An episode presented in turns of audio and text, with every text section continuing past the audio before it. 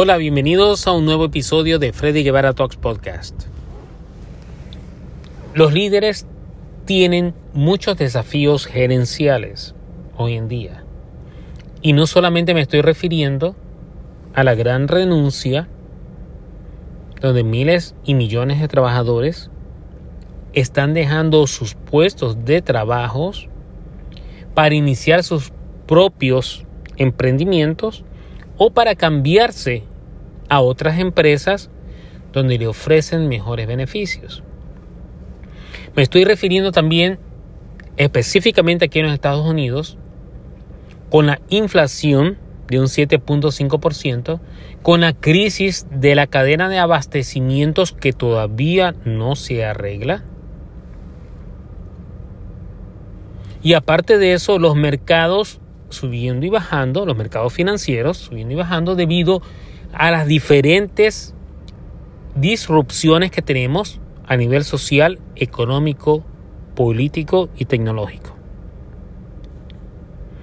Los líderes de hoy tienen que lidiar con todos esos problemas y manejar, gerenciar de una forma efectiva los recursos disponibles que tienen. Es por eso uno de mis argumentos del por qué el liderazgo no tiene que separarse de la gerencia, ni la gerencia separarse del liderazgo. Si eres un gerente, tienes que convertirte en un líder. Y si eres un líder, tienes que saber gerenciar. Porque un líder, si no sabe gerenciar, de nada vale que inspire a sus seguidores, que inspire a sus trabajadores alcanzar ciertas metas y objetivos si los recursos que tiene el líder no los gerencia en forma efectiva y eficiente. En otras palabras, en forma productiva.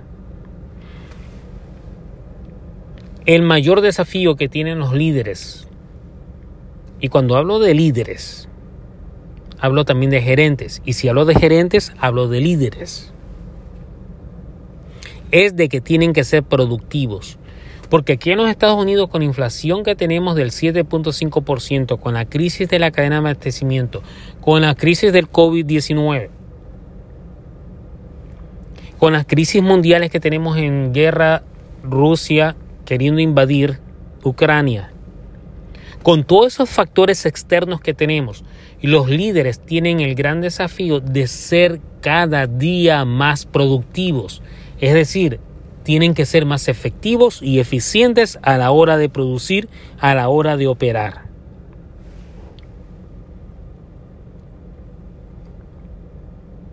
Es por eso que los líderes actuales tienen que buscar la estrategia necesaria para alzar y aumentar su productividad. Porque de ninguna manera Primero, pueden subir sus precios porque pueden deprimir su demanda. Por supuesto, depende del nivel de producto o del tipo de producto o servicio que estén ofreciendo.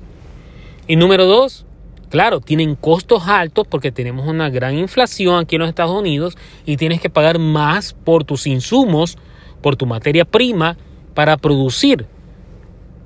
Sin embargo, hay otras estrategias como la de diferenciación y también estrategias de productividad que todo líder y gerente puede hacer.